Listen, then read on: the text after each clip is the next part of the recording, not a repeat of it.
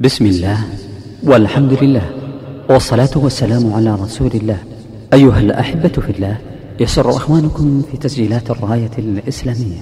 بالرياض أن يقدموا لكم هذه المحاضرة والتي هي بعنوان الشيخ عبد العزيز ابن باز ومنهجه في الفتوى لفضيلة الشيخ الدكتور عمر بن سعود العيد وذلك في جامع الأميرة نورة بنت عبد الله بن عبد العزيز. بحي النخيل بمدينة الرياض في يوم الخميس الموافق للعشرين من شهر شعبان لعام ألف وأربعمائة وأربعة وعشرين من الهجرة النبوية. بسم الله الرحمن الرحيم. الحمد لله والصلاة والسلام على رسول الله وعلى آله وصحبه أجمعين. أيها الأحبة نحن وإياكم في هذه الليلة نلتقي مع علم من أعلام الإسلام. وفي سيرة إمام سطر حياته ليس بمنصبه ولا بماله ولا بما خلفه للناس من أراض وسكنى وغيرها وإنما سطرها بأعمال لا تنسى على سطر التاريخ. وكم كان في النفس الحديث عن هذا الإمام العلم الذي أثر في الكون كله لا أقول في بلدنا وحده فإني ممن طوف شرق الدنيا وغربها فوصلت إلى مشرقها وآخر الدنيا هناك في أستراليا ثم وصلت إلى مغربها حيث أمريكا ولوس أنجلوس حيث يلتقي أو تلتقي الكرة الأرضية هناك وكلهم يسألون ماذا قال ابن باز عن هذه المسألة ويسألون عن أخباره لم يحمل جوازا ولا سافر خارج هذه البلاد وربما لم يسافر إلى أكثر مناطق هذه الجزيرة ولكن الله تكفل بنشر صيته وعلمه. ولكأنها تذكرنا تلك برؤيا رؤيت له في حياته. يوم أن كان هناك في الدلم رآه أحد الأحبة من المقربين له. قال رأيت له ذكرا ينشر ماء يمنة ويسرى. قال ثم عبرته أن الله سيجعل له صيتا في شرق الدنيا وغربها. تلك الرؤيا رؤيا وهو صغير لم يصل ثلاثين سنة. ثم بلغه الله تلك المنازل وذلك فضل الله يؤتيه من يشاء والله ذو الفضل العظيم.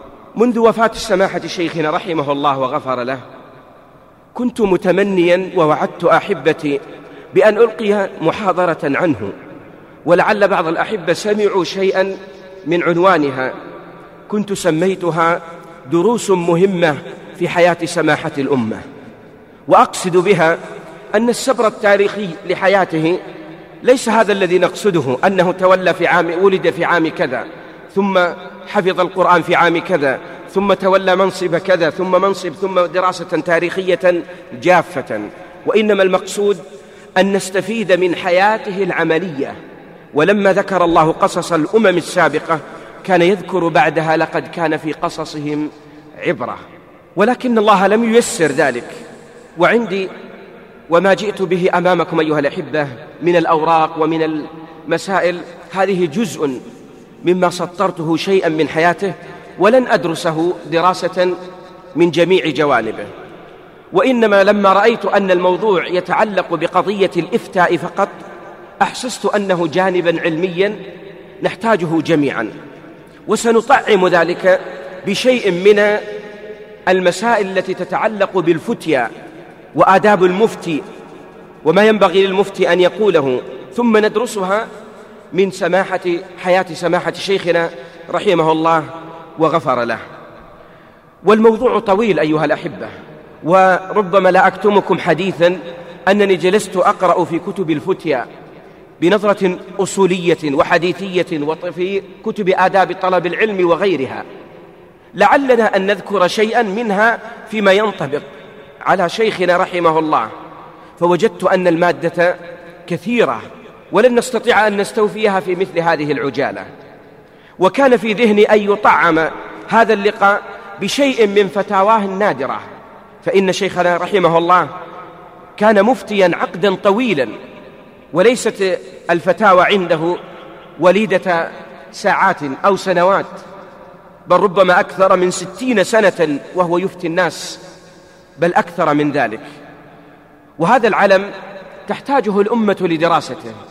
وكنت أتأمل كتب الناس عن كثير من أعلام الإسلام. ولكني وجدت أن هذا العالم متميز بخصائص قد لا توجد في كثير منهم. حين نقرأ في كتب السير والتراجم نجد عجبا. فنجد ترجمة العالم يسطر موقفين أو ثلاثة من كلماته أو من مواقفه أو من منهجه أو من جهاده أو من أمره بالمعروف فنجدها يسيرة. وإذا قلبنا الطرف في حياة سماحة الشيخ وجدناه مدرسة ضخمة. ربما أقول لم يمضي أو لم يمر على الأمة منذ أكثر من قرن كمثله. وحق لأن يقال له هو المجدد كما قال بعضهم.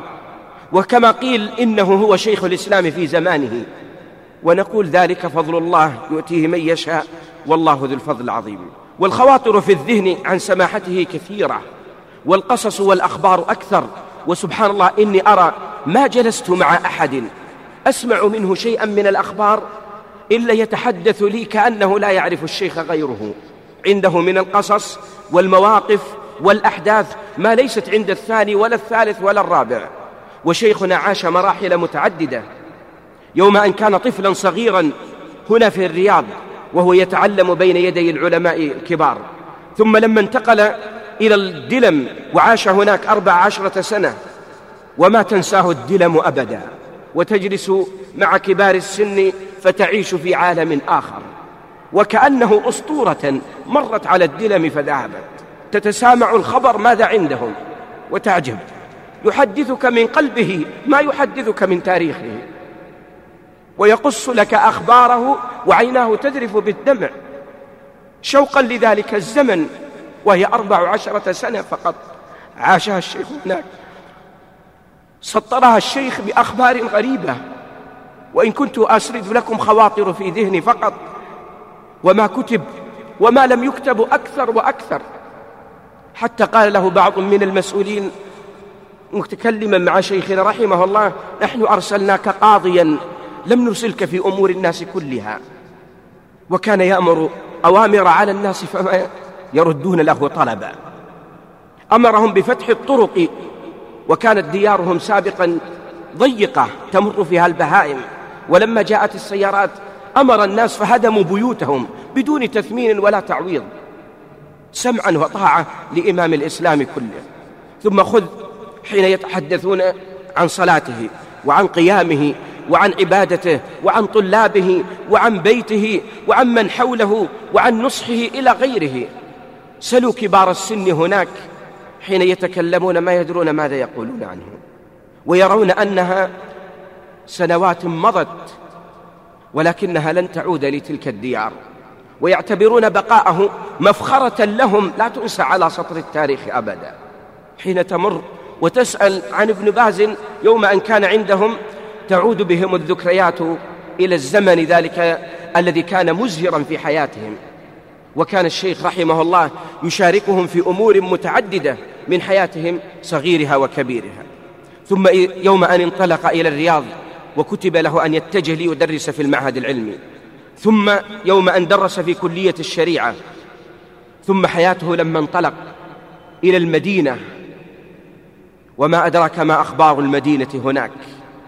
حين نجلس مع بعض من العلماء هناك الكبار يذكرون أنها حياة ملئت لم تكن مليئة بالخطب الرنانة ولا بالكلمات التي تسلب القلوب وإنما كانت بأفعال وأعمال تميزت بها وسأذكر شيئا مما تتميز الله به شخصيته. كنت أعجب من حياته ثم لما رجع بعدها إلى الرياض وبقي في دار الإفتاء فإن ذلك عجيب. أتأمل شخصيته فنقول لم يكتب عنه شيئا. حياته في الدلم كتابتها لا زالت ضعيفة. وحياته كذلك لما جاء للرياض وكذلك حياته التي كانت في المدينة ذاك التاريخ العظيم. ثم ما كتب كذلك أيها الأحبة عن حياته في الرياض وإن كان فيها خير لكنها لم تستوفي جوانب حياته كلها. ويتعجب الإنسان من هذه الشخصية العجيبة شخصية ابن باز. تلك الشخصية التي آتاه الله سبحانه وتعالى ما لم يؤت غيره. تجده تكاملا في الشخصية من جوانب متعددة لم يكن هو مجرد عالم فقط. فيقال الناس برز في علمه وانتهى. وإنما تميزت بسعة العلم ومحبة المدارسة والبحث في مسائلها وكنت أعجب منه مع سعة علمه. وأنه بلغ رتبة لا ينساها أحد أبدا حتى توج على هذه الديار بأنه رئيس هيئة كبار العلماء. بل نقول توج على العالم على العالم بأنه شيخ الإسلام في زمانه وشهد بها القاصي والداني داخلا وخارجا. ويقول الناس ما دام هذا العالم في الأمة فالناس بخير عظيم. ومع سعة علمه ترى عجبا في حياته. نحضر درسه ونريد أن نقرأ عليه فيقول هذا الدرس لا تدرسوه اليوم فإني لم أحضر له البارحة. يرأس هيئة كبار العلماء ومع ذلك لا يلقي درسا في مادة معينة لأنه لم يحضر له. أين نحن من التعالم الذي نعيشه في زمننا؟ أحدنا يظن أنه إذا دخل كلية شرعية أو تخرج من كلية الشريعة أو حصل على رتبة رتبة عالية كدكتور وغيره ظن بأنه شيخ الإسلام في زمانه. وأنه يستطيع أن يفتي في كل صغير وكبير. ومن المواقف التي لا أنساها رحمه الله وغفر له. كان رحمه الله وسأذكرها في طرائقه في مسائل الفتيا طلب مني أحد مشايخي وهو شيخنا الشيخ عبد الرحمن البراك أن أحدد موعدا مع الشيخ للجلوس معه. في فتاوى خاصة وأخذت من سماحته موعدا بعد الفجر حيث لا لم يكن هناك درس. جئت مع الشيخ شيخ عبد الرحمن البراك للمجلس وجلست. ثم بدأت المناقشة. كنت أعددت مسائل وشيخنا أعد مسائل. فالتفت الشيخ البراكي يسأل الشيخ رحمه الله ويقول له عندنا مسائل أشكلت علينا وليس عندنا فيها علم مما يتعلق بمسائل الحيض وغيرها. وجئنا إليك نستفيد من علمك. والشيخ البراك يقول ونحن قليل العلم. سبحان ربي ببساطته يلتفت ابن باز إلى الشيخ ويقول كلنا قليل علم ترى. كلنا قليل علم. إذا كان هذا عالم الأمة يقول هذه الكلمة ويصدرها للبشرية أجمع. أنا قليل العلم. فأين نحن من المتعالمين في زمننا؟ وأين نحن من الذين يفتون في تلك القنوات؟ الله أعلم بتلك الفتاوى التي يصدرون عنها. فهذا ابن باز يقول أنا قليل علم. فإذا كان ابن باز قليل علم فمن دونه ماذا يكون عنده من العلوم؟ وهذا مما جعله مبرزا تميز بهذه الشخصية العظيمة ومما تميز به كذلك شخصيته أنه كان مرجعا مرجعا للعلم والفتيا في هذا البلد. وسبحان الله أينما نتوجه لأحد العلماء تسأله عن مسألة فإذا به يقول لك اذهب فاسأل ابن باز واعطنا الخبر. هذا يرجع إليه العلماء الكبار فمن دونهم من باب أولى وهذا فضل من الله يؤتيه من يشاء. منها كذلك أن شيخنا رحمه الله تميز بمحبته للخلق وتميز كذلك بمحبة الخلق له. وكنت أعجب من حديث النبي صلى الله عليه وسلم الذي في الصحيح في صحيح مسلم وغيره أن سهل بن أبي صالح يقول كنا بعرفة فمر عمر بن عبد العزيز وهو على الموسم يعني كان أميرا على الناس في الموسم. فقام الناس لما مر عمر بن عبد العزيز قام الناس لينظروا إليه. فقلت لأبي يا أبا إني أرى أن الله يحب عمر بن عبد العزيز. فسأله ولما قال لما نظرت من إقبال قلوب الناس إليه وتوجههم له. فقال والده لقد سمعت أبا هريرة رضي الله عنه يحدث عن النبي صلى الله عليه وسلم بحديث جرير بن جرير عن سهل وهو يقول إن الله إذا أحب عبدا إن الله إذا أحب عبدا دعا جبريل فقال إني أحب فلانا فأحبه فيحبه جبريل ثم ينادى في السماء إن الله يحب فلانا فأحبوه ثم يوضع له القبول في الأرض. وسبحان الله ما وجدت قبولا كمثل هذا العالم الكبير. ولهذا قلت لكم شرق الدنيا وغربها. بل كنت في الفلبين وفي تايلاند وفي أوروبا وفي أفريقيا بجميع أغلب دولها. بل في الأمريكتين وغيرها كلهم يسألون ما خبر ابن باز وهذا الحب ليس هو الذي زرعه في قلوب الناس وإنما الله هو الذي زرعه له. وأصبح الناس ينادون عليه من كل توجه. وكنت أعجب في موقف لطيف حججنا في سنة من السنوات. ووقفت ونحن نرمي الجمار لما وصلنا الجمرة الأولى وإذا بسماحة شيخنا رحمه الله يمشي يرمي الجمرة فيقف للدعاء. فقلت قد كسبنا خيرا عظيما. فنحن سنمشي مع الشيخ في رميه الجمار تأسيا به لأنه من أحرص الناس على سنة محمد صلى الله عليه وسلم. وتعلمون أن السنة أيها الأحبة الوقوف ورفع اليدين وكان ممن يدعو طويلا في هذه المواقف. وإذا بي كنت وراء الشيخ رحمه الله وشيخنا يدعو فمر رجل من الناس وإذا بهذا الرجل معه امرأة وهو من هذه البلاد ومن نجد. وتعلمون أيها الأحبة أن عندنا الحجاب مغطى. فرمقت الرجل وإذا هو يغمز المرأة التي معه. فيقول له هذا الشيخ عبد العزيز بن باز. وسبحان الله تأملت وهي يقول لها المرأة لا شعوريا كشفت عن وجهها. ووضعت خطوتها من الجانبين تظن أن لا يراها أحد. وتتأمل في الشيخ تأملا عجيبا. هذه حركة لا شعورية. هي لم تريد أن تكون سافرة وإنما تعبر عن هذا الحب.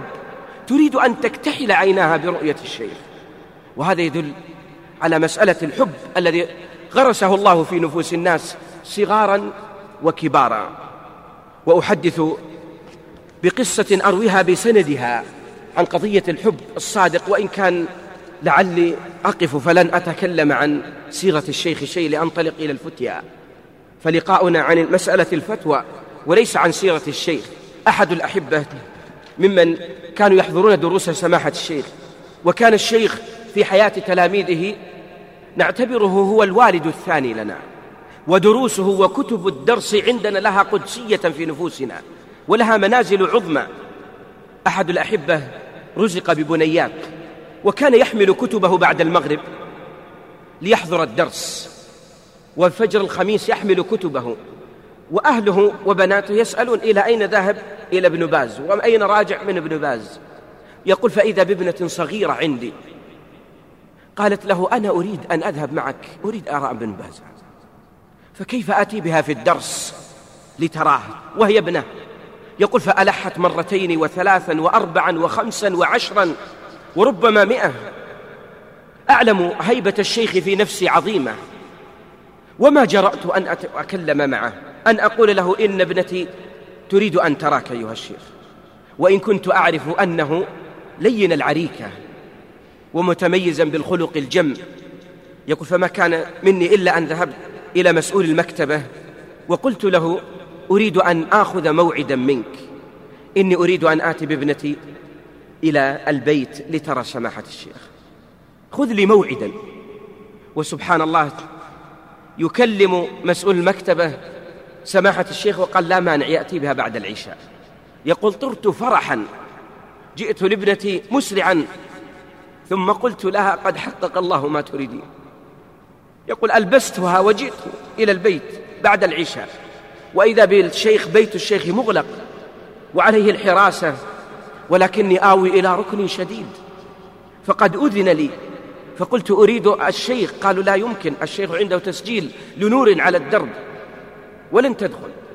فحاولت الاتصال إلى أن وصلت إلى مسؤول المكتبة. قلت موعد الآن. فأدخلت. يقول فلما دخلت أجلست في المكتبة. وإذا بسماحة الشيخ لم يكن موجودا. وكان ذاك يوم الجمعة بعد صلاة العشاء. يقول جلست في مكتبة الشيخ. وإذا بالشيخ عنده أحد المسؤولين وبعد أن انتهى منه إذا بالشيخ يطل علينا يدخل مكتبه. يقول فجلس الشيخ ينتظر وإذا بابنتي تجلس فتقول أين ابن باز؟ فأشرت إليه. وإذا به أقول هذا هو الشيخ ابن باز. فسلم عليها وقبلها ودعا لها. وأمرها أن تجلس قريبا منه. يقول ثم جلسنا ونحن ننتظر. فما شعرنا إلا بعبد الكريم المقرن يأتي لتسجيل نور على الدرب. ثم ما كان من سماحة الشيخ رحمه الله إلا أن خلع غترته. كان متبسطا. لم يكن ذا رسميات. فلما خلع قالت ابنتي متعجبة لماذا خلع الشيخ شماغه هل هو تعبان؟ هل بيعطونه شيء يوجع راسه؟ فيقول قلت لها لا الشيخ يريد يحب البراد فقط وهو الآن سيجلس. يقول جلست ابنتي الشيخ سجل ساعتين متواصلة وابنتي ترمق الشيخ ما نظرت غيره. مسؤول المكتبة يداعبها فما تلتفت إليه. يقول انتهى الدرس. وسجل سماحته درسه. يقول ثم انطلق لما انتهى قال تعشوا معنا. ومن عادة الشيخ أنه يمازح من حوله. فكان يقول الذي يخاف من زوجته يذهب يتعشى معه. ويقول كان من لطائفه إذا كنتم تخافون من زوجاتكم كمثل فلان فاذهبوا. وإلا فتعشوا عندنا. يقول تعشت ابنتي عند الشيخ مباشرة. والشيخ يحادثها ويسامرها. يقول ثم رجعنا إلى البيت. يقول كأني لا أمشي على الأرض من شدة فرحي بهذا اللقاء. وما نسيته وإلى الآن ابنتي ما نسيت ذلك أبدا. غرس حبه في قلوب الناس كلهم صغارا وكبارا رجالا ونساء. ودليل التعبير الصادق عن هذا الحب لما جاءنا خبر وفاته رحمه الله تعالى. المقصود أيها الأحبة الخواطر وما تميز بها الشيخ كثيرة جدا. أسردها سريعا كان شيخنا متصفا بالكرم. وربما نقول حاتم طي كان كريما ولكن شيخنا كريم الإسلام ذاك كريم الجاهلية. وشيخنا كرمه لأنه عبادة. من كان يؤمن بالله واليوم الآخر فليكرم ضيفه. ولا يوجد كمثله من كان في الكرم. فما جلس يتغدى ويتعشى وحده أبدا. وكان مع كرمه متبسطا ومنها شجاعته. وكان من أشجع الناس في قول الحق وفي النصح وفي الصدق. وكان لا يهاب من فتوى يصدرها أبدا. وما سئل عن فتيا فأحجم فيها ألا يقول فيها الحق. بل يسارع وينطق بها سواء كانت شفوية أو مكتوبة في النصح وغيره. وكان شيخنا رحمه الله يحب الناس ويحب أن ينفعهم ويوصل لهم الخير ويوصل لهم الخير والمساعدات لهم بكل ما يستطيع. ومن اللطائف أيها الأحبة تصوروا أن ابن باز بمرتبة وزير ويحدثني أحد الطلاب عندي عن سماحة الشيخ الشيخ عبد العزيز بن عبد الله آل الشيخ وفقه الله. يقول إن ابن باز ما كان يؤدي زكاته لأنه لا يحول عنده مال على الحول. ما عنده مال يحول عليه الحول. لنقل حول ثلاثمائة ريال خمسمائة ريال ما عنده مالا يؤدي زكاته. مع أنه بمرتبة وزير. وسألت أقرب الناس إليه في مكتبه فقلت إذن راتبه. فتبسم قال راتبه ينتهي في أول الشهر مصاريف. للبيت وما حوله ما يبقى عنده شيء منه. ومن هنا قضية النفع والإحسان إلى الناس كنت أعجب وأذكر بإحصائية سريعة. أحصيت ما كتب في مصاريفه وكان يصرف في كل عام ربما بعض الأحبة يقول عشرة ملايين عشرين أحصيتها ثمان وستين مليونا سنويا. إلى أين تذهب؟ فهل جمعها ليستكثر؟ وهل مات ليخلف لورثته شيئا من هذه الأموال؟ وسبحان الله هذا الرجل العجيب. هذا غير المقطوع الذي يعطيه ولا يتابعه مرة أخرى. وأظنها لو أحصيت ربما تصل مئة مليون في خلال السنة مئة مليون في السنة. نعجب من هذا وكان مع ذلك من ما تتميز به شخصيته يذكرنا بعهد الإمام أحمد. فكان الإمام أحمد ما كان يمشي وحده أبدا. وشيخنا ما رأيته أبدا مشى وحده. حوله الم... الذين يستفتون يمنة ويسرى وأصحاب حاجات وأموال وغيرها. والناس يسارعون للالتفاف به ليسمعوا عنهم العلم وما عنده. ومما تميز به شدة خوفه من الله تعالى حين يذكر به. وأذكر قصة لا تنسى أبدا. زارني بعد وفاته رحمه الله. عدد ممن كان يكفلهم سماحة الشيخ من الدعاة. وإذا بيزورني شخص داعية من السودان. عمره قريب من الستين أو السبعين سنة. وإذا هو يقص لي قصة تعلمه وطلب العلم. يقول قدمت إلى الشيخ ابن باز يوم أن كان في المدينة. وكان عمري أربعين سنة. جئت لأطلب العلم هناك فقدمت أوراقي على الشيخ فأحالني على شؤون الطلاب. فسئلت سئلت عن عمري وإذا هو قريبا من أربعين سنة فقالوا لي لا تقبل أنت القبول عندنا من ثمانية عشر إلى خمس وعشرين وأنت كبير السن. يقول كتبوا على معاملتي أنني لن أقبل. جئت للشيخ وأخبرته بالخبر أنهم ردوني. فقال لي يا شيخ أنت كبير ونعطيك مساعدة لترجع إن شاء الله. فقلت يا شيخ أنا جئت أطلب العلم. قال ولكنهم لم ي... لا تنطبق عليك الشروط.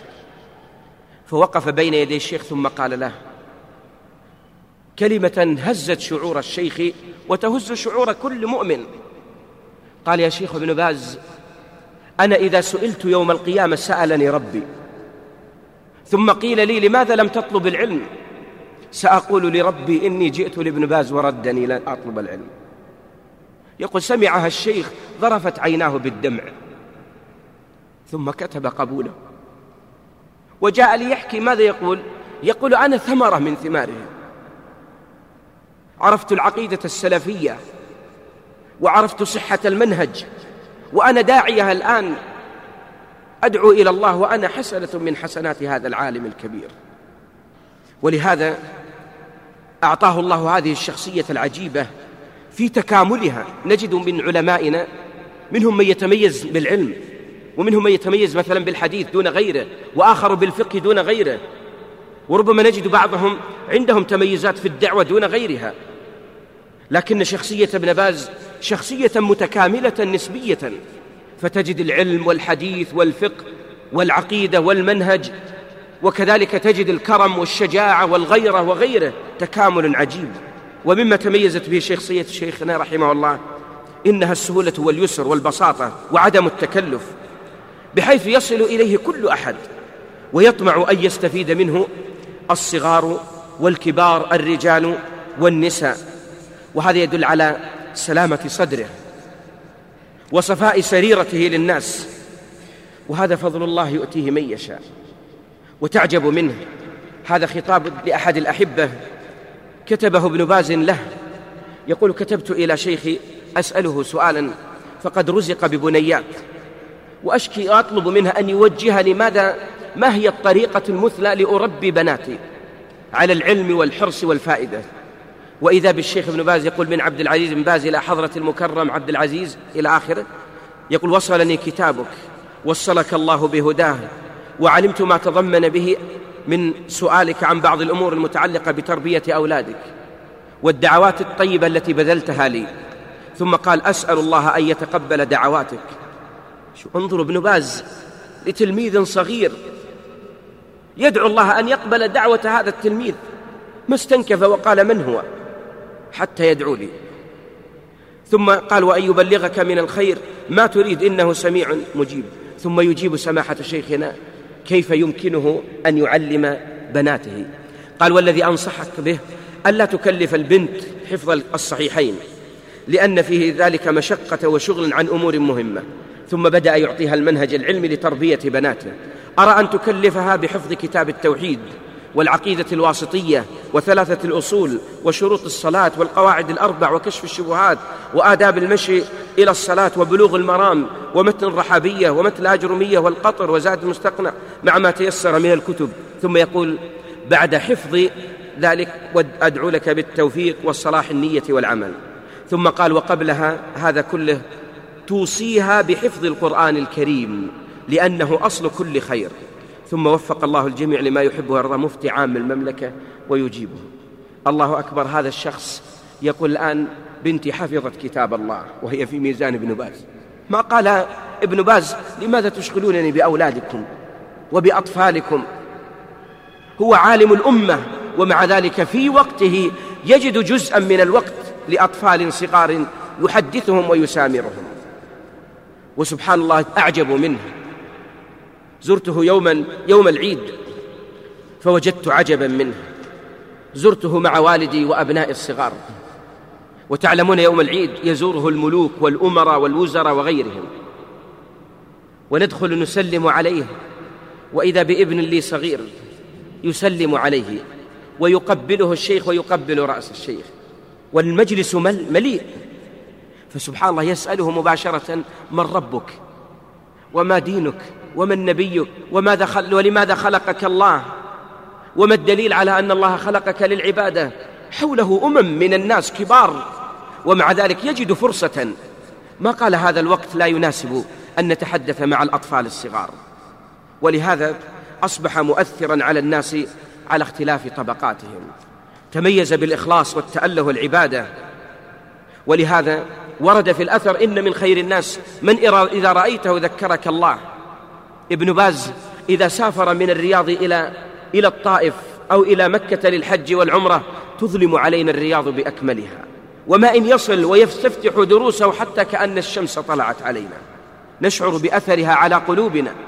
وما أجمل كلام ابن القيم نجد وحشة حتى نجلس عند شيخ الإسلام تيمية فتزول ما في قلوبنا من الوحشة. وسبحان الله تجد عجبا ابن باز ما أسرع دمعته أن تنهمر. وهذا أمرا واضحا جليا. وقصصها ونحن قد لازمناه رحمه الله وغفر له أكثر من عشرين سنة. نسمع الآية والحديث والفتوى ونشاهد العبادة. ويقول لأحد طلاب العلم الكبار رحمه الله وغفر له كان يقول إن ابن باز في زمننا كمقام الأنبياء في بني إسرائيل في وقاتهم يحيي السنة ويظهرها للناس ويصدح بها ويبين الحق للناس فلا يجامل أحدا. ترى السنة بسلوكه وعمله وخلقه وعبادته واضحا. وهذا من فضل الله الذي يؤتيه الله من يشاء والله ذو الفضل العظيم. ونجد لسانه رطبا من ذكر الله تعالى. أيها الأحبة هذه كلها خواطر. وإن كان الكلام عن ابن باز بضاعة كثيرة وتحتاج إلى سلسلة أن نتحدث عن هذا العالم الكبير فلا يكفي أن يتحدث عنه في لقاء سريع ولا في شريط أن يلقى ثم يقال هذا هو ابن باز فهذا هضم له. فسيرته لو كتبت سطرت بمجلدات ليس في مجلد واحد خاصة إذا ربطت الأمة به على أن تستفيد منها سلوكا عمليا. أيها الأحبة أنطلق لمسألة الفتيا والفتوى وأبدأها بمقدمة في الكلام على هذه الرئاسة العامة لإدارة البحوث العلمية والإفتاء. أقول لإخواني هذه الإدارة المباركة التي أسأل الله أن يوفق القائمين عليها لكل خير وأن يرزقنا وإياهم العلم النافع والعمل الصالح وأن يجزيهم على ما يبذلون في خدمة المستفتين وإيصال الكتاب والسنة إليهم عنا خير الجزاء. هذه الإدارة المباركة تأسست عام 1374 وكان اسمها قبل دار الإفتاء والإشراف على الشؤون الدينية والمعاهد العلمية. وكانت برئاسة سماحة شيخ مشايخ هذه الديار كلها رحمه الله وغفر له وهو مفتي الديار السعودية الشيخ محمد بن إبراهيم آل الشيخ رحمه الله. وفي عام 1391 تعدل اسم هذه الدار. وأصبح مسماها دار الإفتاء ورئاسة البحوث العلمية والإفتاء والدعوة والإرشاد. وعين عليها معالي الشيخ إبراهيم بن محمد آل الشيخ رئيسا. وفي عام 1395 عين سماحة شيخنا العلامة الشيخ عبد العزيز بن باز رحمه الله وغفر له. عين عليها بعد أن تم تعيين الشيخ محمد إبراهيم بن محمد أصبح وزيرا للعدل. وفي عام 1414 صدر أمر ملكي بتعيين سماحة الشيخ رحمه الله عبد العزيز بن باز مفتيا عاما للمملكة. وفي عام كذلك آه، نفس العام صدر أمر كذلك بإنشاء وزارة الشؤون الإسلامية والدعوة والإرشاد وبناء عليه تم نقل بعض الإدارات التي تابعة للرئاسة إلى الوزارة وهي الدعوة في الداخل والخارج. وبذلك أصبح المسمى لهذه الدار الرئاسة العامة للإدارة البحوث العلمية والإفتاء. وفي عام يوم الخميس نقول وما أدرك ما يوم الخميس؟ الموافق لسبع وعشرين وشهر في شهر محرم عام ألف وأربعمائة وعشرين توفي سماحة الشيخ رحمه الله رحمة واسعة وغفر له وجمعنا وإياكم وإياه في الفردوس الأعلى. عن عمر يناهز آه، تسعة وثمانين عاما ثم في يوم السبت آه، تسع وعشرين في نفس الشهر عين صدر أمر ملكي بتعيين سماحة الشيخ عبد العزيز بن عبد الله آل الشيخ وفقه الله مفتيا عاما للمملكة. هذه الرئاسة أسست لها أهداف ومن أهدافها حتى تكون دائما أيها الأحبة بين عقولكم وأعينكم.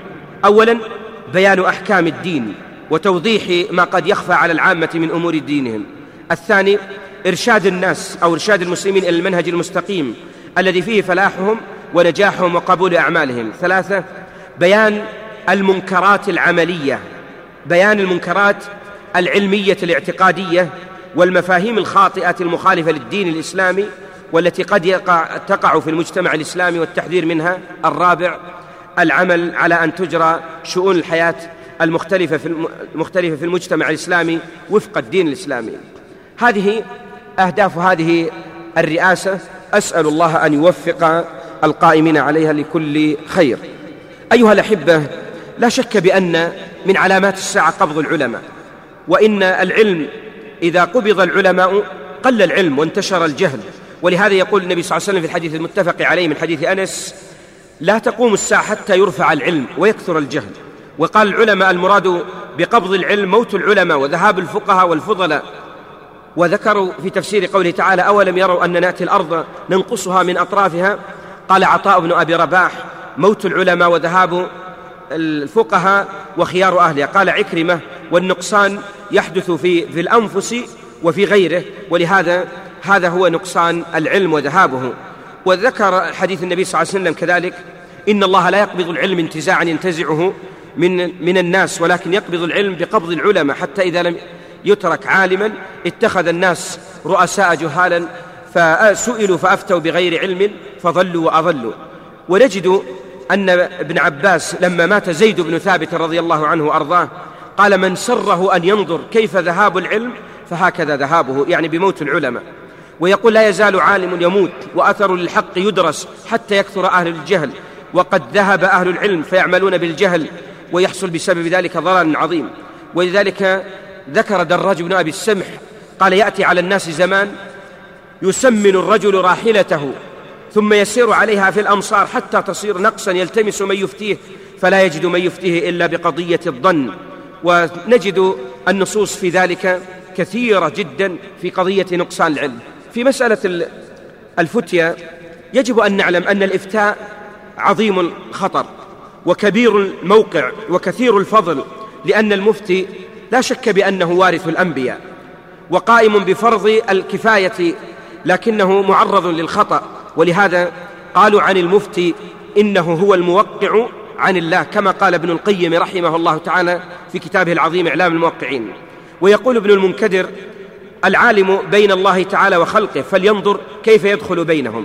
ونقل عن السلف وغيرهم التوقف عن الفتيا وذلك خوفا من الزلل. يقول عبد الرحمن ابن أبي ليلى أدركت عشرين ومائة من الأنصار من أصحاب محمد صلى الله عليه وسلم يسأل أحدهم عن المسألة فيردها إلى هذا إلى هذا إلى هذا حتى ترجع إلى الأول. وفيه الرواية ما منهم من أحد يحب أن يحدث إلا ود أن أخاه كفاه إياه ولا يستغني عن شيء إلا ود أخاه أنه كفاه عن هذه الفتية. وكان السلف يتورعون من مسألة الإفتاء تورعا عجيبا.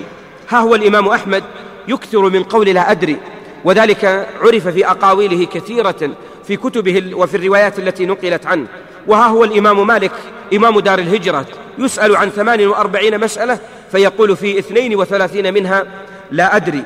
ولذلك كان السلف يحرصون على البعد عن التصدر للفتية والجرأة عليها. ولهذا يقول عطاء بن السائب التابع أدركت أقواما يسأل أحدهم عن الشيء فيتكلم وهو يرتعد ويقول ابن عباس ومحمد بن عجلان وإذا غفل أغفل العالم قول لا أدري أصيبت مقاتله. ولذلك يقول سفيان بن عيينة وسحنون وغيره أجسر الناس على الفتيا أقلهم علما. والكلام على قضية الإفتاء يطول بنا. نأخذ الآن تعريف الفتوى في اللغة وفي الاصطلاح. لعلي أختصر كثيرا أيها الأحبة. الإفتاء في اللغة هو الإبانة. يقال أفتاه في الأمر إذا أبانه له وأفتى الرجل في سؤاله إذا أجابه فيه. وجاء في قول الله تعالى يستفتونك قل الله يفتيكم في الكلالة. والإفتاء في المعنى الاصطلاحي هو إخبار بحكم الله تعالى عن دليل شرعي لمن سأل عنه في أمر نازل. ولهذا أصبح الإفتاء أمره مهم. ووجب على ولي الأمر أن يتعاهد قضية الإفتاء. وأن يتابع الذين يفتون. فمن صلح للفتيا أقر ومن لا يصلح منعه لأنه ليس أهلا لأن يفتي الناس.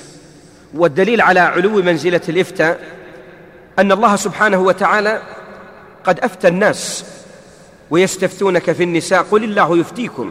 وأن أمرها عظيم وليعلم المفتي عمن ينوب في فتواه وليوقن أنه مسؤول غدا وموقوف بين يدي الله. وأول من تنصب للإفتاء هو رسول الله صلى الله عليه وسلم إمام المرسلين وسيد الخلق أجمعين وأمينه على وحيه وسفيره بينه وبين عباده. فكان يفتي الناس بالحق المبين قل لا أسألكم عليه أجرا قل لا أسألكم عليه من أجر وما أنا من المتكلفين. وكانت فتواه صلى الله عليه وسلم جوامع في جوامع الأحكام كلها مشتملة على فصل الخطاب. ولهذا صلى الله عليه وسلم كان يفتي الناس ويبين لهم كل ما احتاجوا إليه. ثم قام من بعده أصحابه الأخيار الأطهار. أولئك أصحاب محمد. أبرها الأمة قلوبا وأعمقها علما وأقلها تكلفا وأصدقها إيمانا. وكان أصحاب النبي صلى الله عليه وسلم ممن اشتهروا بالفتيا عددهم كثير. ذكر ابن القيم رحمه الله تعالى أنهم في إعلام الموقعين أكثر من مئة ونيف وثلاثين نفسا مما بين رجل وامرأة. وكان ابن عباس من أكثر الصحابة فتيا. حتى ألف كتابا أو ألف عنه ألف عنه أبو بكر محمد بن موسى بن يعقوب بن أمير المؤمنين المأمون كتابا في الفتيا. جمع فيه عشرين كتابا له وهو هذا العالم من علماء الحديث. وأشهر الصحابة ممن تنقل عنهم الفتيا أربعة ابن مسعود وزيد بن ثابت وابن عمر وعبد الله بن عباس رضي الله عنه ولذلك قالوا علم الدنيا يرجع إلى هؤلاء الأربعة. فعندنا زيد بن ثابت كان في المدينة وكذلك ابن مسعود في الكوفة وابن عباس في مكة إلى غيره. وكان الصحابة يحرصون على تبليغ دين الله تعالى وإيصاله للناس. والفتيا كانت الناس في الفتيا إما أن تكون بالقول وإما أن تكون بالفعل وإما أن تكون بالإشارة والكتابة. وكان شيخنا رحمه الله يسير على هذا المنهاج. فمن فتاواه ما كتبت وحررت إما أن تكون موجهة للعلماء وإما أن تكون لأحد المسؤولين وإما أن تكون لأحد من القضاة وغيره. وقد تكون مشافهة بالقول في دروسه وفي سؤال عبر الهاتف أو نور على الدرب وغيره. ومنها ما يكون بالإشارة فقد يسأل عن سؤال فيشير أن جائزا أو يشير بأنه لا يجوز بإشارة. وفتوى سماحة الشيخ رحمه الله تعالى تميزت بمزايا متعددة. وسأختصر لكم كثيرا أيها الأحبة لأجل أنطلق لفتاوى سماحة الشيخ مباشرة. كان شيخنا رحمه الله في مسائل الإفتاء دائما يسأل ربه التوفيق والسداد أن يوفق للإجابة وكان هذا منهجا لأئمة الإسلام جميعا. ولهذا ينبغي للمفتي أن يكثر دائما من دعاء اللهم رب جبرائيل وميكائيل وإسرافيل فاطر السماوات والأرض عالم الغيب والشهادة أنت تحكم بين عبادك فيما كانوا فيه يختلفون اهدني لما اختلف فيه من الحق بإذنك. من فضلك اقلب الشريط.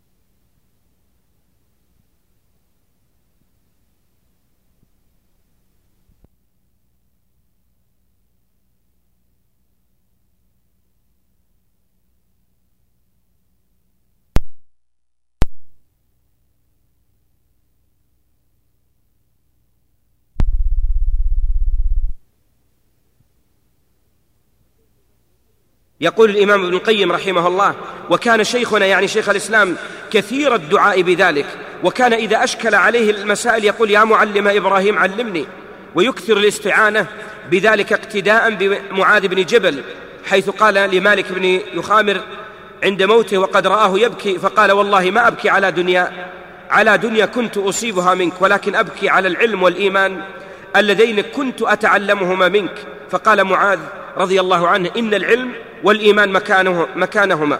يعني موجودين ما, انتهى. من ابتغاهما وجدهما. اطلب العلم عند أربعة.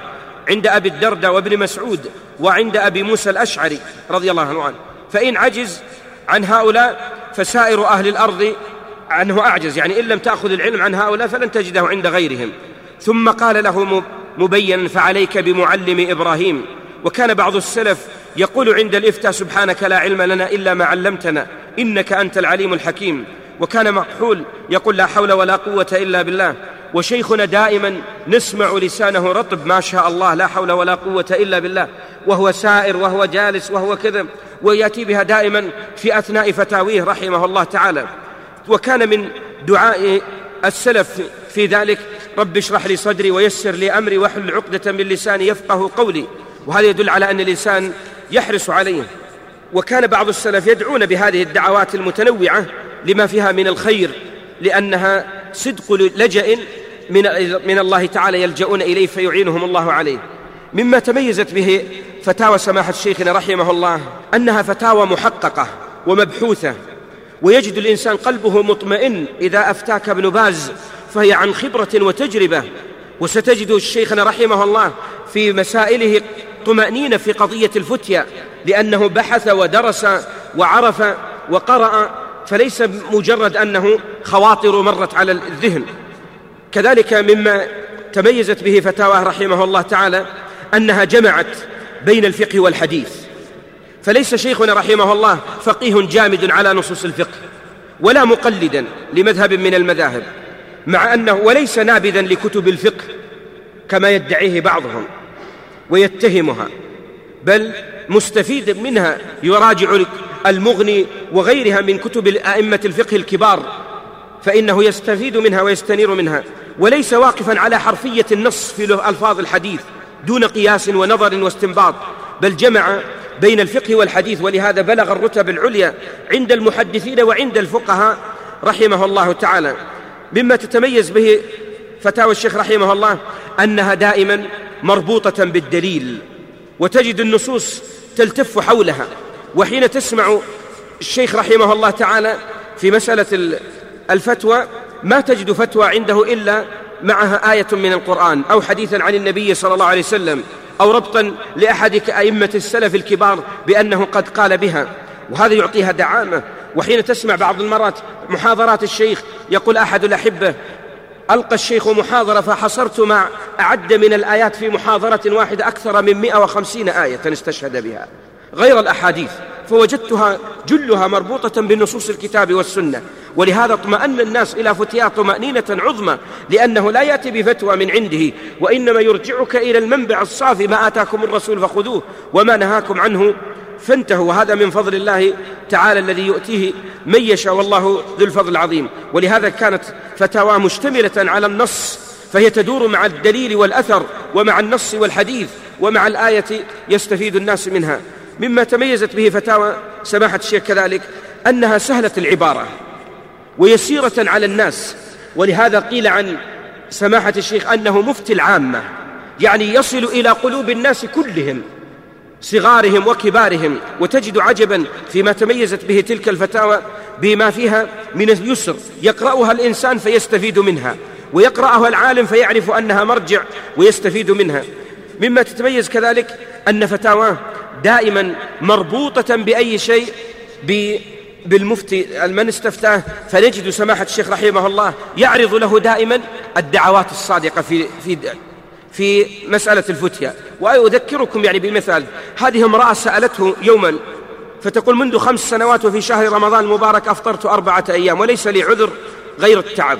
المهم بعد إجابة لها رحمه الله تعالى يقول والله جل وعلا المسؤول عن أن يغفر لنا ولك وأن يهدينا وإياك وسائر المسلمين. ولهذا سلب قلوب الناس كلنا نحتاج أن يدعو لنا ابن باز. ولذلك تجد بعضا من أئمة السلف كان بعض من الناس يحرصون على مجالستهم والاجتماع بهم والسفر معهم لأنهم يصيبون منهم تلك الدعوات الطيبة. ودعاء العلماء عظيم وله تأثير كبير على الناس وعلى غيرهم. مما تميزت به كذلك فتاوى سماحة الشيخ رحمه الله أنها بعيدة عن التشدد والتساهل وكثيرا ما كان ينهى طلابه عن قضية التشدد في فتياهم والتقعر فيها.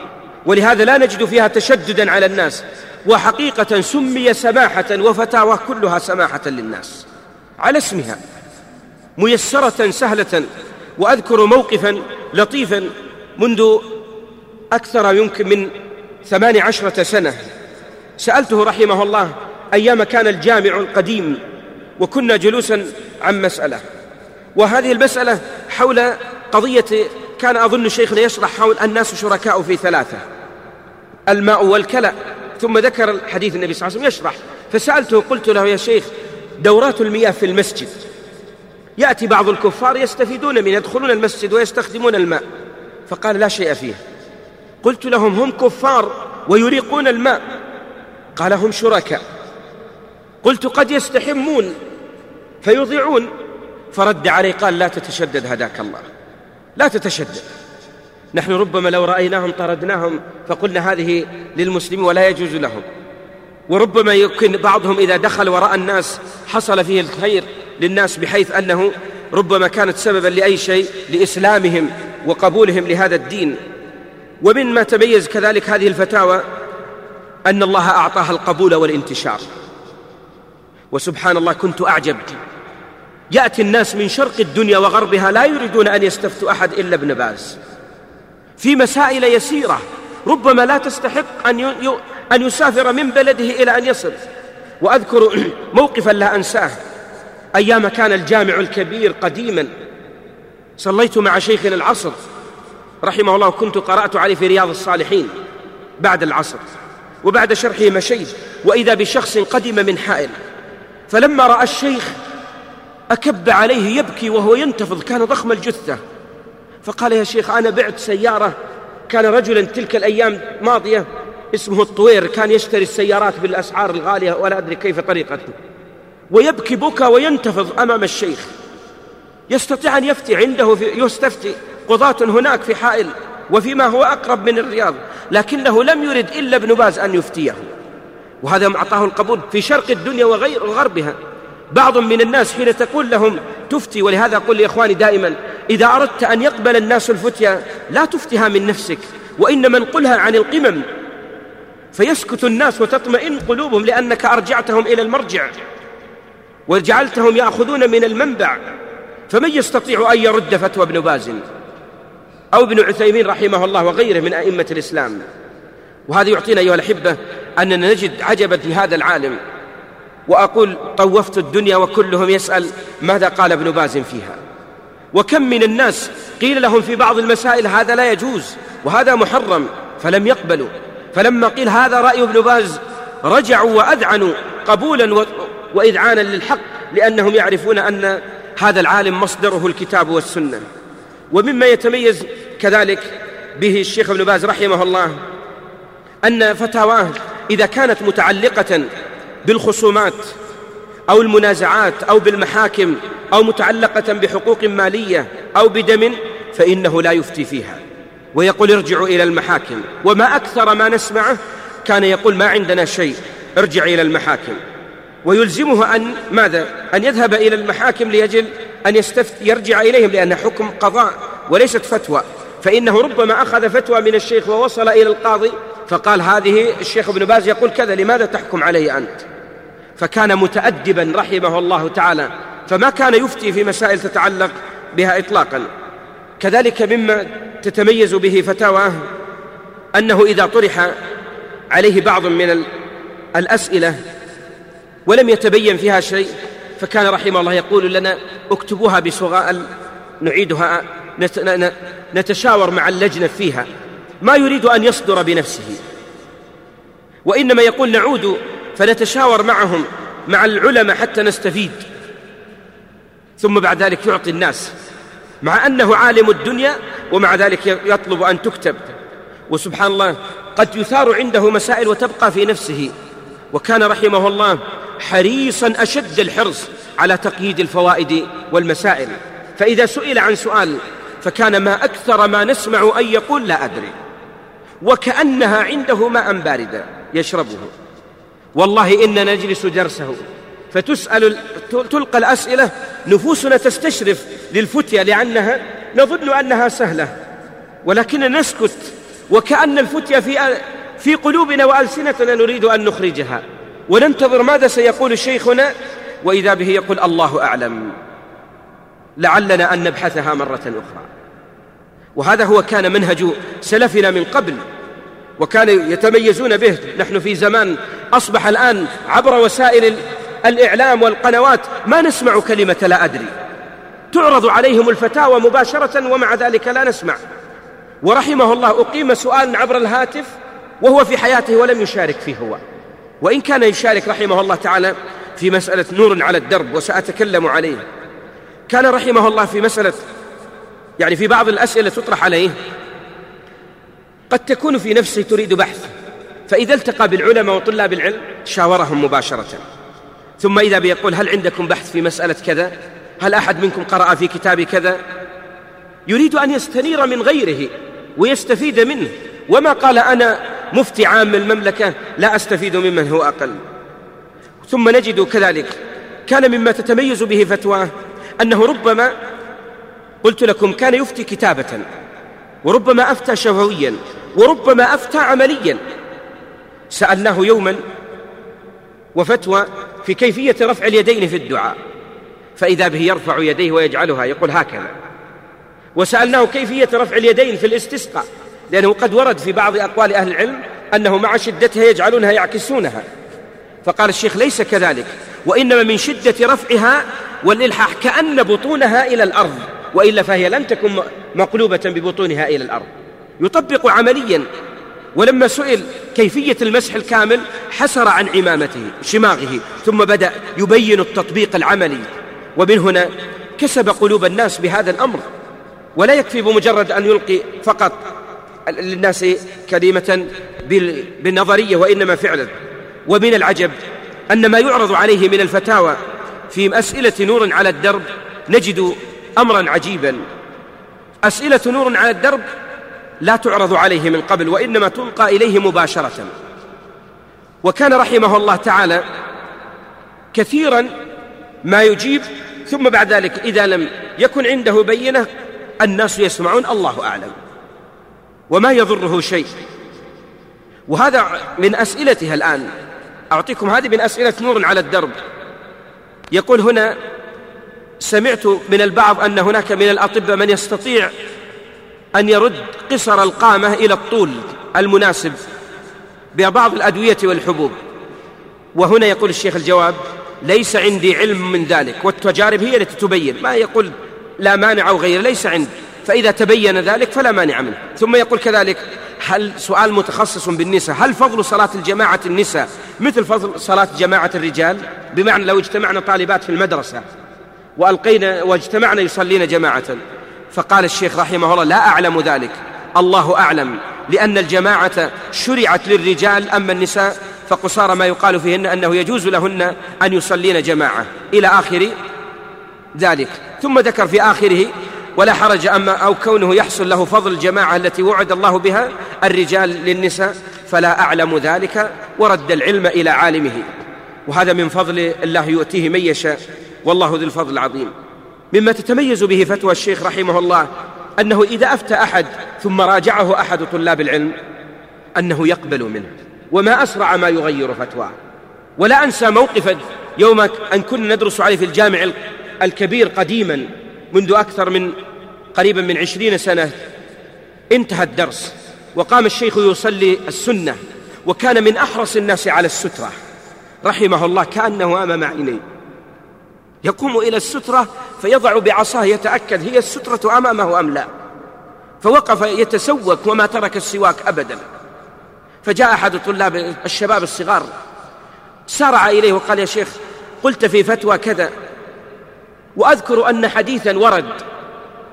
كان يقول يخالف ما قلت. فما كان من الشاب رأيته في المتوسط. في المتوسط شاب. فقال له الشيخ يا ولدي إن صح الحديث ائت به نغير ما نحن عليه. ما قال من أنت؟ وكيف ترد علي فتواي؟ وما استكبر أن يقبل الحق من أصغر الناس عنه؟ وأعجب من قصة لطيفة أحد الشباب ذكر الشيخ محمد الموسى في كتابه النفيس في ترجمة شيخنا يقول كتب له أحد الشباب صغار عمره ثلاثة عشرة سنة اقتراحا فقال للشيخ يا شيخ عبد العزيز لو جعلت مفتين في كل بلد بدلا من أن تكون فتية مصدرها الرياض. يقول سمع الشيخ يقول لما ركب معي الشيخ قال والله هذا اقتراح طيب. ويكتب من عبد العزيز بن باز يكتب لهيئة كبار العلماء وللجنة كتابا يقول قد أشار علينا بعض الإخوان بكذا. ما قال هذا طفل فماذا فماذا يعنيه من الفتيا؟ ولما يدخل أمر نفسه في شيء لا يستفاد منه بل كان من أسرع الناس رحمه الله وغفر له في قضية القبول والأخذ. وهذا يعتبر من فضل الله تعالى الذي آتاه إياه. ومسألة الفتية نجد لها عجائب وغرائب لشيخنا رحمه الله تعالى.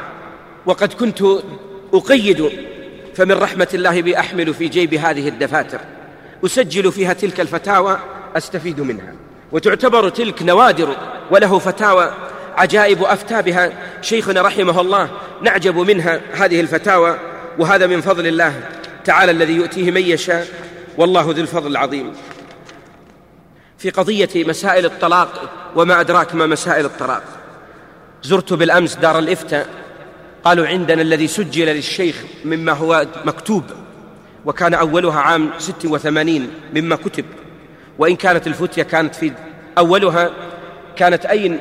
يوم كان الشيخ رحمه الله في الدلم عام 1362 سئل سماحة الشيخ سؤالا فأفتى.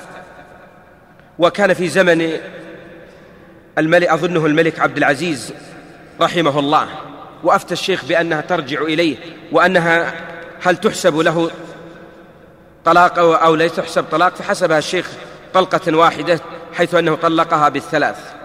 وما علم الشيخ بأن الشيخ محمد بن إبراهيم رحمه الله قد أفتاه قبل. فكتب إليه الملك عبد العزيز معاتبا كيف تفتي؟ والشيخ فلان قد سبق أن أفتاه. فكتب للملك فكتبت يقول الشيخ ماز أخبرته بأني لا أعلم بفتوى شيخي. ولو علمت أنه أفتاه ما أفتيته ولما قلت شيئا. ونحن نعلم أن المسألة فيها خلاف بين أهل العلم وغيره هو ذكر ثم يقول سماحة يعني سماحته منذ ذلك التاريخ والناس يأتون إلي من كل مكان. ثم هو يقول وأسأل الله أن يبرئ ذمتي. يعني جرأ على شيء ما كان الناس يعرفونه من قبل. وأحصيت فتاوى جئتهم وإذا هي ثمان وعشرين ألف مسألة. ثمان وعشرين ألف مسألة مكتوبة إحصائية. وجئت بأوراق منها هذه الفتاوى العجائب.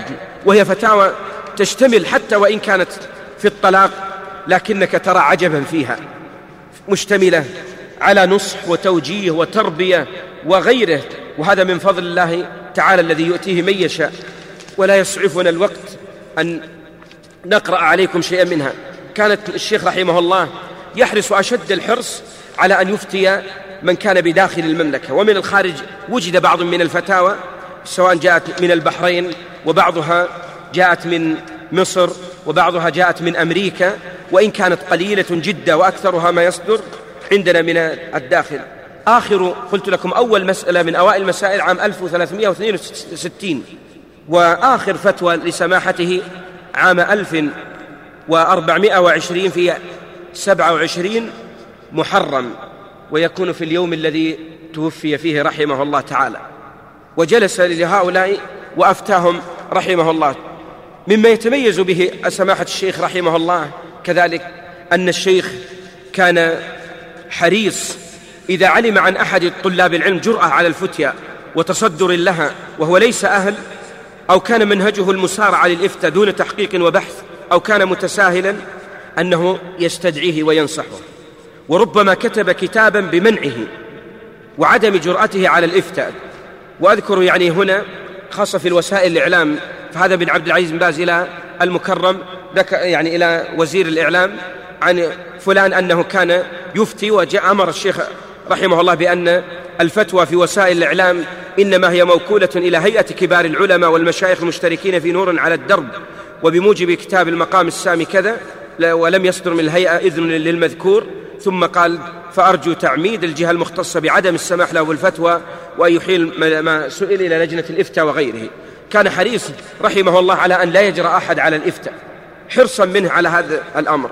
ومن ما يتميز به فتيات ذكر لنا شيخنا الشيخ عبد الله سماحة المفتي الشيخ عبد العزيز بن عبد الله آل الشيخ يقول لما عاصرته في الإفتاء كنت أرى عجبا منه هو على اسمه سماحة فكان نجتمع للفتيا فربما نخالفه نتفق جميعا على رأي وهو رأيه يخالف قال فيترك رأيه ويتبعنا فيما نقول. وهذا من يدل على أنه لم يكن متعصبا وإنما يريد الاتفاق والائتلاف والتواد والتراحم وحصل به خيرا كثيرا. وإذا طوفت في دار الإفتاء رأيت عجبا من تلك الفتاوى التي عندهم. وكان سماحة الشيخ رحمه الله من أحرص الناس على نشر الخير وإيصاله للناس. الفتاوى أقول لإخواني كثيرة جدا ومتعددة ولست بصدد ذكر كثير منها لكن أذكر ببعض منها منها وخاصة يعني فتاوى قد تكون فيها نوع من اللطافة في مسألة القراءة وغيرها. فإن نجد بعض من القراء قد يعملون مع القراء بيأتون بديب أو بجلد الذئب والشيخ حرمه وقال هذا من استعمال التمائم ولا يجوز شرعا. وبعض القراء قد يرقون بالهاتف والشيخ قال هذا لا يجوز وهذه بدعة لم نعرفها من قبل وما كان سلفنا إطلاقا. يعني يعملون هذه. وكان كثير في مسائل فتياه وخاصة المباشرة. ربما نادى الذي يستفتيه يا ولدي أو يا والدي ويقول فهمت يا ولدي يعني يلاطفه. وهذا كثيرا ما كنا نسمعه في مسائل الفتية. كان من منهج الشيخ رحمه الله تعالى أنه إذا سئل عن شيء أفتى بأكثر مما سئل عنه وهذا نجده واضحا في كثير من فتاواه. وهذا مصداق حديث النبي صلى الله عليه وسلم هو الطهور ماؤه الحل ميتته ويعطيه من الفوائد ما هو أكثر. وأذكركم يعني ببعض من هذه الفتاوى كسؤال يعني سئل سماحة الشيخ عن بعض الأسماء التي قد يقول بعض الناس إن فيها تزكية اسم هدى ورحمة وبركة وغيرها. هل هذه الأسماء من الأسماء المكروهة؟ فقال سماحة الشيخ هذه ليست من الأسماء المكروهة بل هي كلها أسماء جامدة ولا حرج فيها إن شاء الله. وكان النبي صلى الله عليه وسلم ينهى عن, عن مثل هذا ثم ترك النبي صلى الله عليه وسلم ذلك. منها كذلك نجد فتوى هذه بما وجد للشيخ رحمه الله تعالى من مسألة القبول. تقول سائلة هنا خالي لا يصدق أن التدخين حرام ويقول لا أصدق أنه حرام إلا عندما أسمع من سماحة الشيخ عبد العزيز بن باز. أرجو توضيح حكم التدخين ما يريد فتوى من أحد. وإذا به يخبر سماحة الشيخ أن هذه الفتوى أن التدخين حرام ولا يجوز إطلاقا. منها كذلك فتوى في مسألة في صلاة الجمعة أذن رجل الأذان الأول وأذن آخر الأذان الثاني وخطب خطبتي الجمعة رجل وصلى بنا رجل يعني أربعة تولوا أحدهم أذانين وآخر كذلك الصلاة والخطبة. فقال الشيخ ليس في هذا حرج والحمد لله يجوز أن يتولى الأذان الأول واحد والثاني آخر والخطبة رجل والإمام لكن الأفضل أن يتولاها واحد يعني مقصود الأذان الأول والثاني والصلاة والخطبة واحد. كذلك من فتاويه رحمه الله تعالى آه، اللطائف سئل رحمه الله وهي مسألة نادرة لطيفة. قالوا في إحدى المقابر في نجد وجد فيها الفقع في المقبرة هل يجوز لنا أن نجنيه ونأكله مع أنه نبت في المقبرة؟ فقال الشيخ لا مانع منه رحمه الله وهذا يعتبر من كمثل الحشيش الذي ينبت في المقبرة لا مانع منه. ومن المسائل وجدتها من اللطائف وخاصة نحن في زمن تشاهدون وسائل الإعلام الأولاد الذين ملتصقين وغيره هذا سؤال أعجبني فأردت أن أورده. يقول هذا إذا أنجبت المرأة طفلين توأمين متلاصقين من ناحية الظهر أي أنهما مختلفان في الوجوه فإذا مات أحدهما أو مات جميعا كيف يتم دفنهما؟ هل يجب فصلهما؟ أو كيف يتصرف أهلهم؟ جزاكم الله خيرا. فأجاب الشيخ رحمه الله إذا وقع مثل هذا فيعرض على الأطباء المختصين. إن وجد إن إذا وجدوا يعني صلة في ذلك ففعل يعني فصله فعلوا حتى يتخلص هذا من هذا وإن لم يجدوا حيلة إذا مات دفن جميعا فإن مات أحدهما فصل الميت عن الحي بالصورة التي يراها الأطباء. ثم يغسل الميت ويصلى عليه إذا كان مسلما ويدفن وحده ويبقى الحي على حاله فلا يضر الحي آه، بسبب الميت بل يستعمله الأطباء الطريقة التي يفصلون بها. وهذا كأنه وكنت أتمنى حقيقة من باب اللطائف ما عرض لنا بوسائل الإعلام عن قضية العملية الجراحية التي تستقبلها العالم. كنت أتمنى أن لو ربطت بالعقيدة بودي أنها لو وصلت تبين أولا أن هذا خلق الله تعالى وأن الله قادر على كل شيء حتى تكون سبب لإسلام الناس. ونسينا قوله تعالى يا أيها الإنسان ما غرك بربك الكريم الذي خلقك فسواك فعدلك قادر على أن يخلقك في أي صورة.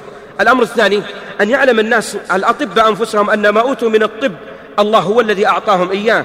والله يقول والله أخرجكم من بطون أمهاتكم لا تعلمون شيئا. وجعل لكم السمع والأبصار والأفئدة. ليتها تربط حتى تصبح سببا لدعوة الناس إلى الخير. بدلا من أن يقال هذا عمل وهذا عمل. نسوا أن هذا كله من الله تعالى. ثم أمر ثالث يجب عليهم أن يربط أن هذه هي قدرة الله تعالى. وأن الناس يجب عليهم أن يسألوا ربهم أن, أن يرزقهم الخلق الحسن.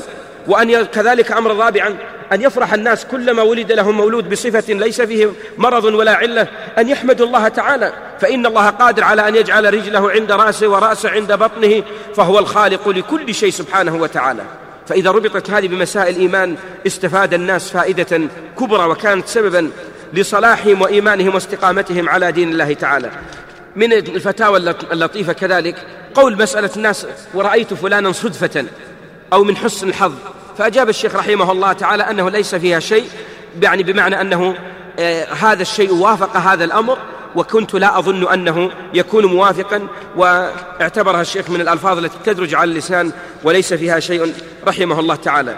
كذلك يعني نجد فتاوى سماحة الشيخ آه، كثيرا وحين نتبعها إذا كانت في مسائل الفقه نجدها ليست طويلة.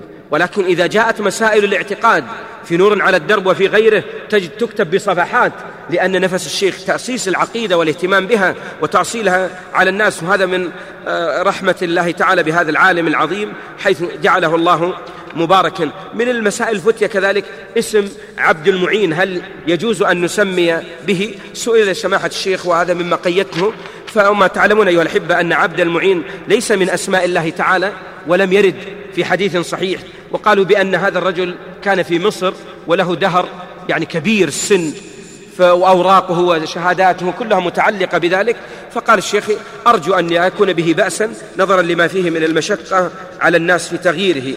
وكذلك من المسائل السريعة فقط يعني هل يصح التحلل برمي جمرة العقبة وحدة؟ قال الشيخ نعم. في مسألة لقطة الحرم قد يجد الإنسان وهو في ماشي في الحرم قد تنقطع نعاله فيجد نعال متقطعة مرمية في الأرض آه، واحدة زرقاء أو خضراء ثم هل يجوز ليستفيد منها وهي من لقطة الحرم؟ فقال الشيخ يسير ما في الحرم كمثل يسير غيره لا فرق. سئل الشيخ عن قضية الشبكة في الزواجات وغيره فقال لا مانع منها. سئل سماحة الشيخ عن حكم سب الصحابة فقال الشيخ رحمه الله سب الصحابة كفر كما نقله شيخ الإسلام وأما سب الشيخين فعندي أنه يكفر. بذلك وأما سب أحد من الصحابة فلا شك أنه معصية يؤدب من قاله. كذلك من الأسئلة عن سئل عن جلسة الاستراحة هل هي خاصة بالكبير؟ لأن النبي صلى الله عليه وسلم ما فعلها إلا كبيرا فقال الشيخ لا هي للكبير والصغير سواء لا فرق بينهما. سئل عن كذلك الخضر هل هو نبي؟ أم هو صالح؟ فقال رحمه الله بل هو نبي لظاهر القرآن وما فعلته عن أمري مستدلا بظاهر القرآن. سئل مسألة وهي من لطائف هل تحد المرأة على عالم؟ لو توفي أحد من العلماء هل تحد عليه؟ فقال الشيخ لا بأس دون ثلاثة أيام لأن الحديث لا يحل لامرأة أن تحد على غير. على غير زوج أكثر من ثلاثة أيام. قال الحديث جاء عاما ولا مانع منه وسئل لو صلى الإنسان على عشر جنائز في مسجد هل يكتب له بكل جنازة قيراط؟ فقال الشيخ يرجى له ذلك وفضل الله واسع وهذا من فضل الله تعالى. سئل كذلك عن آه، على هل المرأة وضع العباءة على كتفها في الصلاة؟ قال الشيخ لا لأن في ذلك تشبه. وهذا هو هي في الصلاة كيف إذا خرجت في الأسواق؟ وهذا يدل على أن الشيخ رحمه الله يرى أن المرأة لا يجوز لها أن تضع العباءة على كتفها. المقصود أيها الأحبة الأسئلة يعني كثيرة ولطائف الشيخ متعددة ومن الأسئلة قد يكون أحدنا أيها الأحبة ما عق والده عنه. يمكن أحدنا عمره عشرين ثلاثين سنة. لو سألت والدك عق عنك قال لا. فالشيخ رحمه الله يرى أنه يعق هو عن نفسه ولا مانع منه ولو كبر. كذلك سئل عن حنة يوجد في الأسواق لونه أسود. هل يخضب به اللحية؟ فقال الشيخ لا. لا يجوز استخدامه لأن النبي صلى الله عليه وسلم نهى عنه. كذلك سئل عن وهذه من اللطائف عن الحيوانات المحنطة. هل يجوز بيعها؟ تجدون الآن الأسواق امتلأت عندنا أسد ونمور وصقور وغيره. فقال الشيخ رحمه الله هذه لا تجوز لثلاثة أمور. الأمر الأول قال لأن فيها إضاعة للمال فمبالغها كبيرة. الأمر الثاني أنها ربما تؤدي إلى اعتقادات فاسدة وغيره. الأمر الثالث أنها وسيلة للتأسي فربما كانت فيها نوع من المشابهة بغيرها. سئل وأختم به وإن كان يعني نحن في رمضان وعندي أسئلة كان فتاوى للشيخ في رمضان مناسب لكن ما أدري ماذا نقول.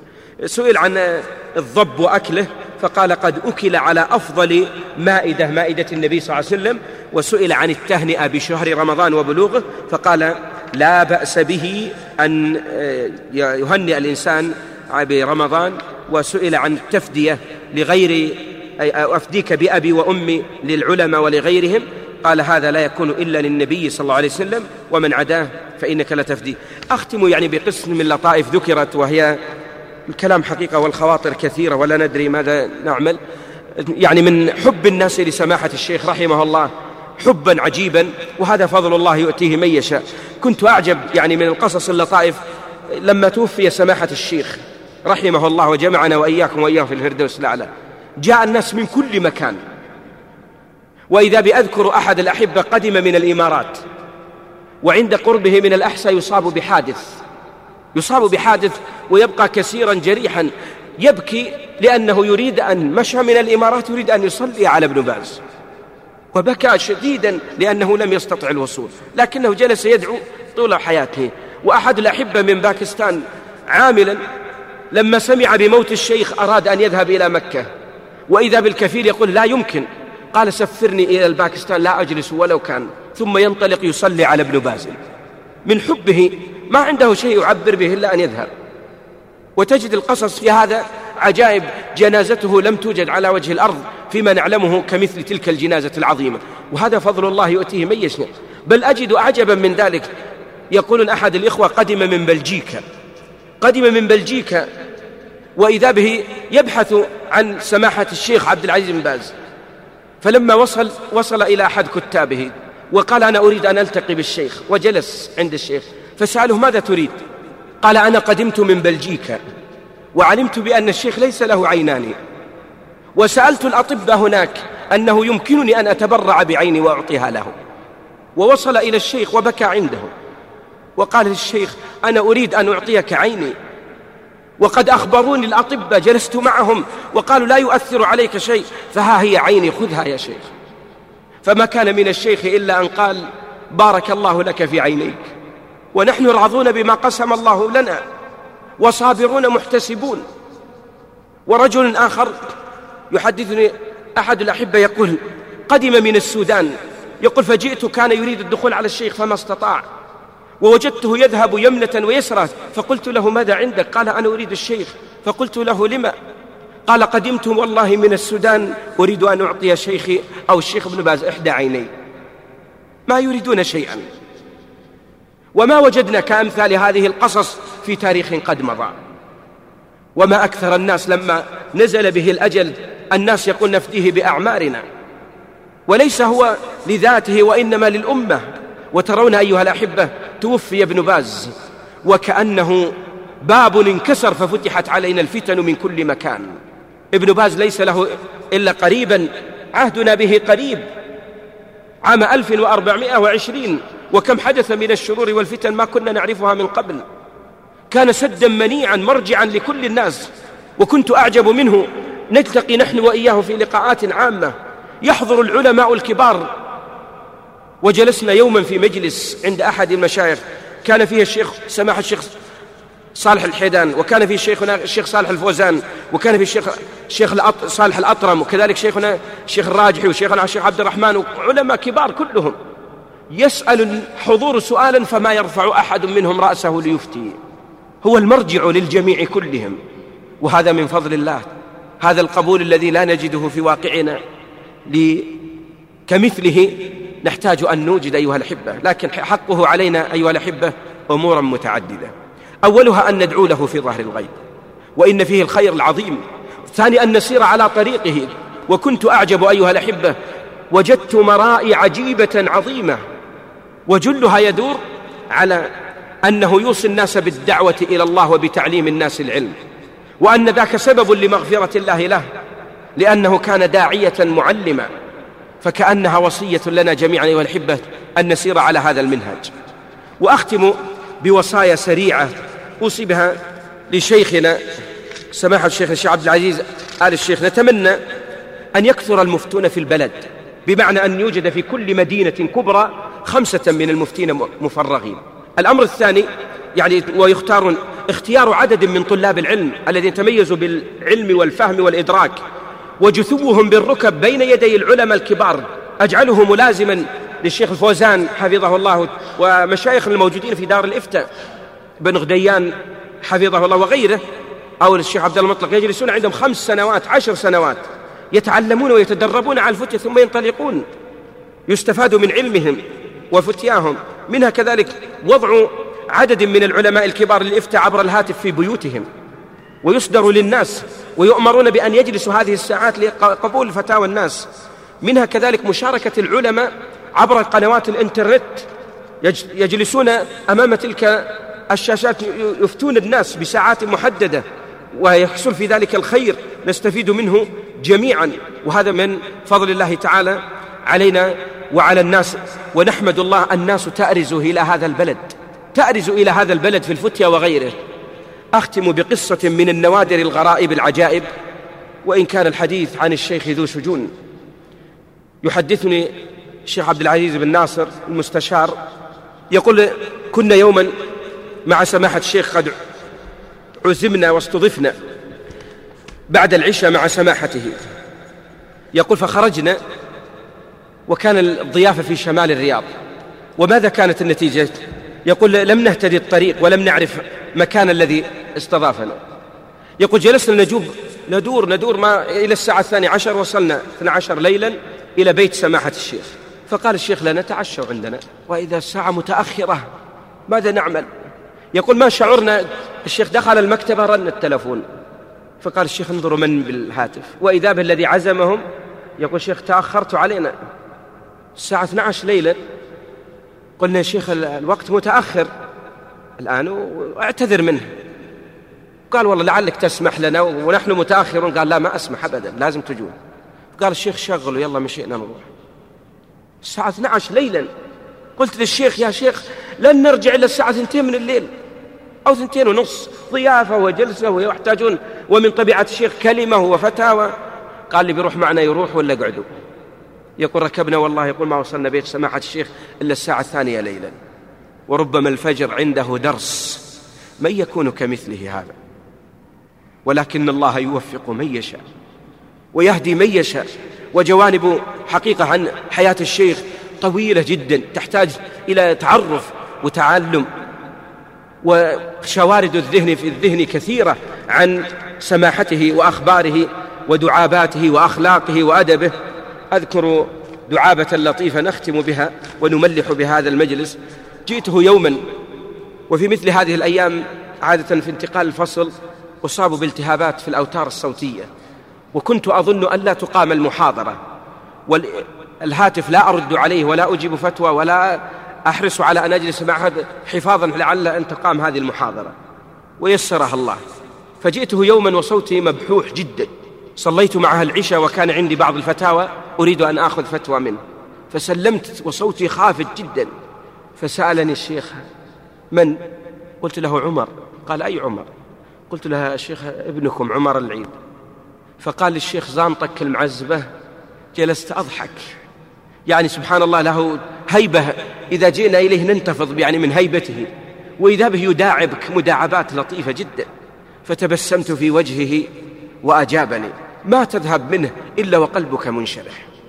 فضل الله يؤتيه من يشاء من آيات الله هذا الرجل. ومهما قلبت في حياته ترى عجب وسيره وأخباره تكتب بماء الذهب. ولا أدري ماذا أحدثكم عن قصصه وأخباره.